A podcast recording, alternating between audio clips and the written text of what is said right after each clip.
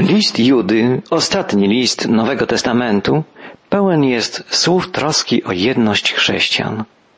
Autor listu zachęca członków wspólnoty wczesnego Kościoła do trwania w nauce apostolskiej i do przywoływania do porządku wszystkich tych, którzy z różnych względów błądzą. Chrześcijanin nigdy nie może troszczyć się tylko o siebie. Juda apeluje. Miejcie miłosierdzie dla tych, którzy mają wątpliwości. Innych zaś ratujcie, wyrywając ich z ognia. Dla jeszcze innych miejcie miłosierdzie w bojaźni, nienawidząc nawet ubrania splamionego przez ciało. Co oznaczają te niezwykłe słowa? Otóż obowiązkiem chrześcijanina jest ratowanie wszystkich, nawet najbardziej błądzących, ludzi, którzy najdalej odchodzą od prawdy, których przekonania są najbardziej niebezpieczne. Nie chodzi o to, by usunąć ich poza obręb chrześcijaństwa, ale aby na nowo przygarnąć ich do chrześcijańskiej rodziny. Z drugiej strony musimy powiedzieć, że solidne przygotowywanie się do obrony wiary i wydawania świadectwa jest naszym wielkim obowiązkiem. Musimy wiedzieć, po pierwsze, w co wierzymy, żeby móc błędom przeciwstawiać prawdę. Musimy bronić wiary w taki sposób, żeby swoją uprzejmością i szczerością pozyskiwać dla niej innych. By to uczynić, musimy usunąć z naszych umysłów wszelką niepewność, a z naszej postawy wobec innych wszelką arogancję i nietolerancję. Po drugie, musimy być gotowi do zabrania głosu we właściwym czasie. Wielu ludzi dałoby się uratować od błędnego myślenia i postępowania, gdyby ktoś zawczasu z nimi porozmawiał. Czasem obawiamy się w danej sprawie zabrać głos, ale często nasze milczenie jest oznaką tchórzostwa i może przynieść więcej szkody niż pożytku. Jedną z największych tragedii swego życia przeżywamy wtedy, gdy ktoś podchodząc do nas powie moje życie nie byłoby takim piekłem, gdyby w odpowiednim czasie ktoś, może ty, zechciał ze mną porozmawiać. Zwykle mówi się, że należy człowiekowi zostawić wolność. Niech czyni ze sobą co chce. W pewnym sensie jest to właściwe.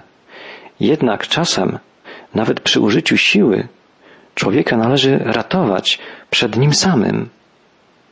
Niebezpieczeństwo zagraża nie tylko grzesznikowi, ale również temu, który ratuje grzesznika. Kto leczy bowiem zakaźne choroby, jest narażony na zakażenie.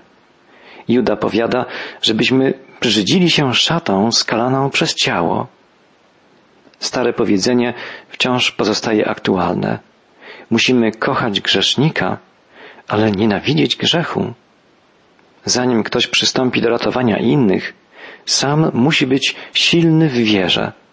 Musi mocno stać na twardym gruncie, zanim rzuci tonącemu koło ratunkowe. Kto zdobywa innych dla Chrystusa, sam musi być bardzo pewny swego zbawienia, a kto walczy z chorobą grzechu, musi posiadać silny antybiotyk zdrowej wiary. Ratować innych może tylko ten, kto z całą stanowczością może stwierdzić, wiem, komu zawierzyłem. Końcowe słowa listu Judy to wspaniały hymn ku czci Boga. Czytamy, temu zaś, który może was ustrzec od upadku i wobec swojej chwały postawić jako nienagannych i radosnych, jedynemu Bogu, naszemu Zbawicielowi, przez Jezusa Chrystusa, naszego Pana, niech będzie chwała, majestat, moc i panowanie przed wszystkimi wiekami, i teraz, i po wszystkie wieki. List Judy kończą wspaniałe słowa. Jest to właściwie okrzyk ku chwale Boga. Trzy razy w Nowym Testamencie w ten sposób bezpośrednio jest oddawana chwała Bogu żywemu. W liście do Rzymian w rozdziale 16 czytamy, jak apostoł Paweł uwielbia Boga, który posila nas każdego dnia. Bóg daje nam podstawy życia, fundament życia, którego nikt nie może naruszyć. W liście do Efezjan w rozdziale trzecim zapisane są słowa Pawła, który dziękuje Bogu za to, że jest On w stanie uczynić daleko więcej ponad to wszystko, o co prosimy albo o czym myślimy. Jest On Bogiem, którego łaski nikt nie jest w stanie wyczerpać i któremu żadne prośby nie są za wielkie. Juda także oddaje teraz chwałę Bogu, który wszystko może. Bóg może zachować nas od upadku. Słowo zachować zostało przetłumaczone z greckiego terminu aptaistos. Termin ten określa solidnie podkutego konia, który nie potyka się, a także może określać człowieka, który nie popełnia błędu. On nie da się potknąć nodze Twojej, czytamy w Psalmie 121. Juda wyraża tę samą wspaniałą prawdę. Chodzenie z Bogiem jest chodzeniem bezpiecznym, nawet po najbardziej niebezpiecznych i śliskich ścieżkach.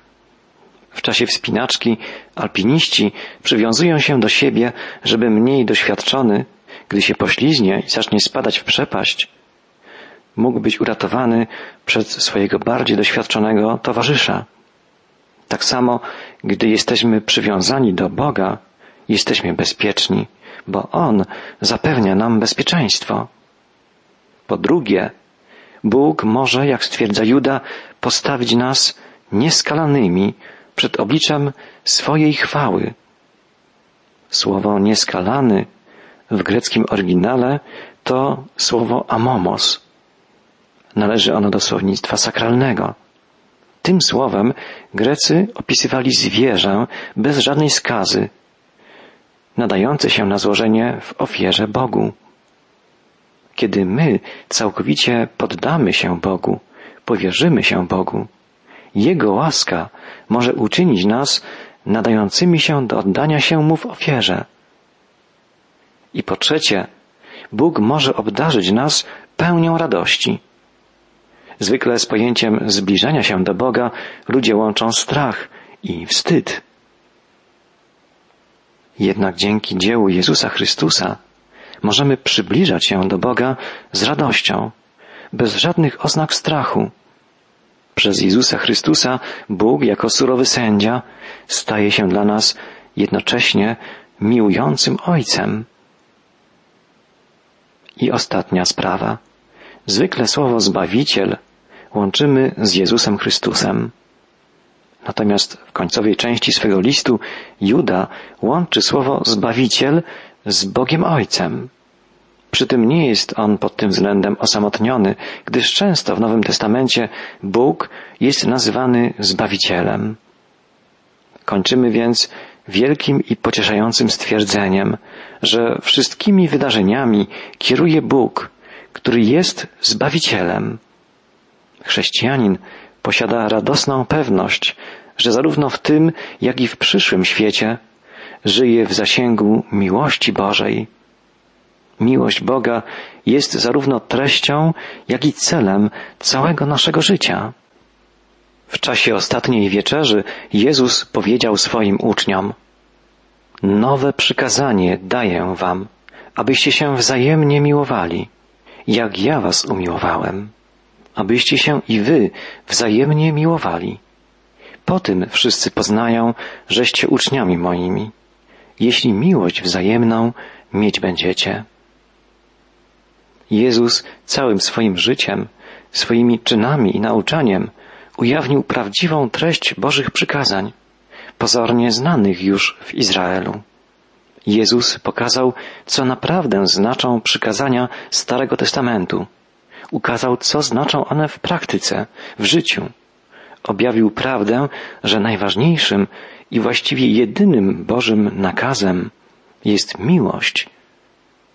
W tym sensie jest to nowe przykazanie dane nam przez Jezusa, choć Bóg od początku objawił je ludziom w swoim słowie. Bóg jest miłością. Jezus, Syn Boży, przyszedł, żeby objawić tę miłość w pełni. Jezus wezwał wszystkich swoich uczniów, by i oni w swoim życiu kierowali się miłością. Jest to wezwanie także adresowane do Ciebie i do mnie. Niektórzy chrześcijanie, wydaje się, sądzą, że Jezus powinien powiedzieć, po tym wszyscy poznają, żeście moimi uczniami, jeśli posiądziecie właściwą wiedzę biblijną, gdy wasza wiara będzie prawidłowa. Nie, to nie wystarcza, to za mało. Świat umiera z ogromnej tęsknoty za choćby odrobiną prawdziwej miłości. Nasza biblijna wiara nie przekona ludzi niewierzących do Boga, do Jezusa. Tylko miłość może być dla nich znakiem obecności i realności Boga. Jezus powiedział, po tym wszyscy poznają, żeście uczniami moimi, jeśli miłość wzajemną mieć będziecie. Uczniów Jezusa ma cechować miłość. Miłością powinni oni obdarzać siebie nawzajem i wszystkich bliźnich, nawet swoich wrogów. Apostoł narodów pisał do Galacjan, Służcie sobie wzajemnie, ożywieni miłością, bo całe prawo wypełnia się w tym jednym nakazie. Będziesz miłował bliźniego swego jak siebie samego. A jeśli u was jeden drugiego kąsa i pożera, baczcie, byście się wzajemnie nie zjedli. Często my, chrześcijanie, przypominamy kanibali. Pożeramy siebie nawzajem. Niszczymy jeden drugiego. Wzajemnie się krytykujemy, plotkujemy o sobie, podkreślamy swoje błędy, dobijamy tego, kto upadnie. Drodzy przyjaciele, pomyślmy o tym, jak my zachowujemy się wobec naszych braci i sióstr, jak zachowujemy się wobec swoich bliźnich, wobec swoich wrogów. Znamy relację Tertuliana opisującego kłopoty rzymskiej władzy z rozrastającą się w błyskawicznym tempie społecznością pierwszych chrześcijan. Nie oddawali oni czci Cezarowi Rzymu. Nie było ani w ich domach, ani w miejscach ich spotkań nawet najmniejszej podobizny cesarza. Rzymianie obawiali się więc, że rosnąca w siłę wspólnota z czasem odmówi posłuszeństwa władcy Imperium Rzymskiego. Tertulian cytuje relację jednego ze szpiegów wysłanych przez Rzymian wśród chrześcijan z zadaniem prześledzenia przebiegu ich spotkań. Oto fragment jego sprawozdania. Chrześcijanie to bardzo dziwni ludzie. Spotykają się w pustym pomieszczeniu, gdzie rzeczywiście nie ma podobizny Cezara ani żadnych innych podobizn. Mówią bez przerwy o jednej osobie, o imieniu Jezus. Jest On nieobecny, ale oni ciągle oczekują, że wkrótce nadejdzie.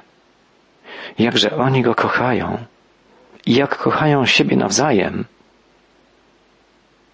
Zastanawiam się, jakie sprawozdanie napisałby ktoś zupełnie obcy, kto zawitałby do naszego kościoła, żeby opisać nasze postępowanie, nasze życie, naszą wiarę. Czy wspomniałby choć jednym słowem o miłości? Pamiętajmy, że najważniejszym poleceniem Jezusa jest nie to, byśmy Mu służyli, nie to, byśmy świadczyli o Nim, ale to, byśmy kochali, byśmy miłowali Jego i siebie nawzajem. To jest istota chrześcijaństwa. To jest prawdziwy sens, sama esencja naszej drogi do Boga. Nie ma innej możliwości, żeby trwale, głęboko zakorzenić się w Bogu, jak pójście drogą, którą wskazuje nam Biblia, drogą, która wiedzie poprzez przyjęcie Bożej miłości i trwanie w niej. Drogę tę otwiera przed nami Jezus Chrystus. On sam jest tą drogą, bo przez Niego, Bożego Syna, możemy przyjść do niebiańskiego Ojca. Kiedy myślimy o przebywaniu u boku Ojca, o życiu wiecznym, powinniśmy przypominać sobie słowa Jezusa zapisane przez Jego ucznia Jana. Słowa te wypowiedział Jezus w czasie tej samej ostatniej rozmowy z uczniami, poprzedzającej Jego pojmanie i ukrzyżowanie. Słowa Jezusa i dla nas dzisiaj mogą być źródłem pocieszenia, źródłem nadziei. W czternastym rozdziale Ewangelii Jana zapisane są te wspaniałe słowa Jezusa. Niechaj się nie trwoży serce wasze wierzcie w Boga i we mnie wierzcie. Ludzie na całym świecie szukają oparcia i pociechy. Tęsknią za bezpieczeństwem. Pragną równowagi i pokoju. Jedynie Jezus może spełnić ich oczekiwania i tęsknoty. Jezus mówi, wierzcie w Boga i we mnie wierzcie. Jezus mówi właściwie nie o wierze w kogoś, ale o wierze komuś. Mówi o wierze jako o zaufaniu. Wierzcie Bogu Ojcu i wierzcie mnie. Ufajcie Ojcu, ufajcie mnie. To jest wiara, która przynosi zbawienie, zaufanie Bogu, zaufanie Jezusowi. To jest wiara dająca ukojenie, wiara wnosząca pokój w serce człowieka, przynosząca pociechę i dająca oparcie nie na chwilę, ale na zawsze. Niechaj się nie trwoży serce wasze, wierzcie w Boga i we mnie wierzcie, mówi Jezus. W domu Ojca mego wiele jest mieszkań. Gdyby było inaczej, byłbym wam powiedział. Idę przygotować wam miejsce. Gdzie znajduje się dom Ojca? Dom Ojca to cały wszechświat, to cała rzeczywistość i ta widzialna i niewidzialna. Cała rzeczywistość stworzona przez Boga. Bóg jest wszechobecny. Przebywa w tym niesamowicie wielkim, niewyobrażalnie wielkim świecie. Żyjemy na maleńkiej planecie, która jest ziarenkiem, pyłkiem w niewyobrażalnie ogromnym kosmosie. Żyjemy w maleńkim zakątku domu Ojca. Jezus mówi, w domu Ojca mego jest wiele mieszkań. Idę i przygotuję wam miejsce. Jest to wspaniała obietnica. Oznacza nie tylko, że z Jezusem będziemy mogli wyjść poza nasz układ słoneczny, poza naszą galaktykę. Nie tylko, że poznamy cały wszechświat, ale również, że będziemy mogli przebywać z Bogiem wszędzie tam, gdzie jest Jego dom, wszędzie tam, gdzie On przebywa, w rzeczywistości teraz niedostępnej dla naszych oczu, ani dla naszych zmysłów, dla naszej wyobraźni, dla naszego umysłu. Teraz nie jesteśmy w stanie objąć swoim umysłem ogromu świata materialnego, fizycznego. Tym bardziej nie jesteśmy w stanie wyobrazić sobie rzeczywistości duchowej, wiecznej. Pan Jezus mówi, w domu mego Ojca wiele jest mieszkań. Bóg wie, jak ogromny jest ten dom, bo przecież go stworzył. Naukowcy ciągle odkrywają, że wszechświat jest większy niż się spodziewano. Coraz lepsze i większe teleskopy i inne przyrządy astronomiczne, coraz doskonalsze obliczenia pozwalają na odkrywanie coraz dalszych ciał niebieskich, gwiazd, galaktyk, odległych od nas o setki milionów lat świetlnych. Są to odległości i przestrzenie zupełnie dla nas niewyobrażalne. Nie wiemy do dzisiaj, jak wielki jest wszechświat i poznamy z pewnością jeszcze wiele jego zaskakujących tajemnic. Ale najwspanialsze jest to, że mamy pewność, iż nasz Pan przygotowuje dla nas miejsce, które będzie naszym mieszkaniem. Pan Jezus powiedział, a jeśli pójdę i przygotuję wam miejsce, przyjdę znowu i wezmę was do siebie, abyście gdzie ja jestem i wy byli. Jest to wyraźne i jednoznaczne stwierdzenie biblijne, że Pan zabierze nas z tej ziemi i że będziemy przebywać z Nim w przygotowanym przez Niego miejscu. Będziemy przebywać tam, gdzie jest On, twarzą w twarz z żywym Bogiem, w domu Ojca. I dokąd ja idę, wiecie i drogę znacie, powiedział Jezus. Pan Jezus pragnie oderwać nasz wzrok od ziemi, pragnie, żebyśmy spojrzeli w górę, ku Bogu. Z tego, co tu i teraz chce przenieść nas w przyszłość. Pomyślmy, w jakich okolicznościach Jezus wypowiedział te słowa. Jego rozmowa z uczniami miała miejsce na krótko przed jego uwięzieniem, skazaniem i ukrzyżowaniem. Cień krzyża padał już na małą gromadkę uczniów skupioną wokół swego nauczyciela w wieczerniku. Do drzwi pukał grzech, domagając się ofiary. Panowała noc, ciemność. Pan Jezus przeniósł jednak uwagę uczniów z tego, co ziemskie, na to, co niebiańskie, z tego, co materialne, na to, co duchowe. Powiedział swym uczniom co najmniej o dwóch rzeczach. O celu, ku któremu zmierzają. Powiedział, wiecie, dokąd idę. I o drodze, którą trzeba iść, by do tego celu dotrzeć. Powiedział, znacie drogę. Wtedy rzekł do niego Tomasz, Panie, nie wiemy, dokąd idziesz. Jakże więc możemy znać drogę? Nie znamy odpowiedzi ani na pytanie dokąd, ani na pytanie jak, stwierdził Tomasz. Możemy się właściwie cieszyć, że Tomasz zadał takie pytanie Jezusowi, bo gdyby nie to jego pytanie, najprawdopodobniej nie mielibyśmy zapisanej przez Jana, który był obecny przy tej rozmowie, jednej z najwspanialszych wypowiedzi Jezusa, którą możemy nazwać Ewangelią w pigułce. Czytamy, iż Jezus odpowiedział, ja jestem droga i prawda i życie. Nikt nie przychodzi do Ojca tylko przeze mnie.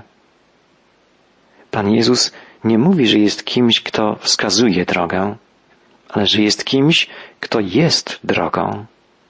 Droga do Boga to osoba, to Jezus, nie religia, tylko Chrystus prowadzi do Boga. Jezus mówi też, że jest prawdą. Nie mówi, że głosi prawdę, choć również ją głosi, ale Jezus mówi, że jest prawdą. On jest rzeczywistością, jest absolutem, jest żywym, osobowym Bogiem. Jest prawdą, która jest wzorcem dla wszystkiego, co w ogóle istnieje, dla wszelkiej rzeczywistości. Jest On także życiem. Dzięki Niemu wszystko istnieje. Wszystko zostało stworzone dzięki Niemu, przez Niego i dla Niego.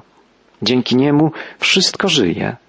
On jest życiem, jest źródłem życia, jest życiodajnym pierwiastkiem, dzięki któremu funkcjonują wszelkie formy życia, od najprostszych form roślin i zwierząt, po najwyższe formy istot duchowych. Pan Jezus mówi, nikt nie przychodzi do Ojca inaczej, jak tylko przeze mnie. Pan Jezus mówi wyraźnie, że nie ma innej drogi do Boga, jak tylko poprzez Niego. Jest On jedynym synem Boga Ojca, Stwórcy Wszechświata. Nie ma innego Zbawiciela.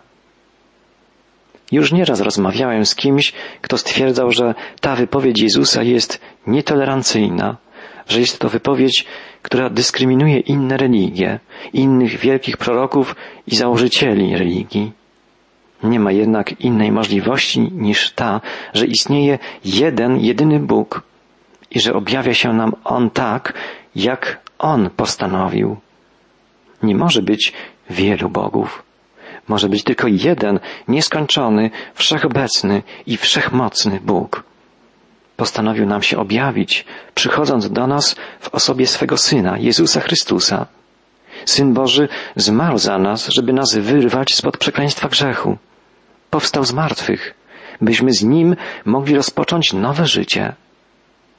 Nie ma w historii innego człowieka, który by naprawdę powstał z martwych.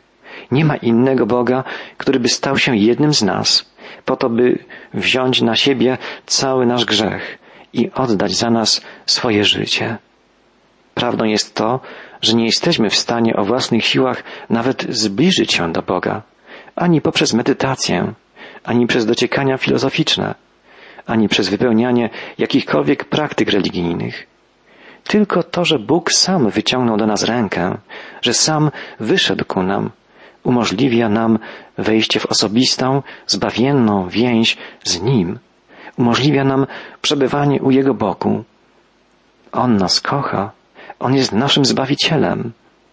Jemu, który może nas ustrzec od upadku, i postawić jako nieskalanych i radosnych jednemu Bogu, naszemu Zbawicielowi, przez Jezusa Chrystusa, naszego Pana. Niech będzie chwała, majestat, moc i panowanie przed wszystkimi wiekami, i teraz, i po wszystkie wieki. Amen.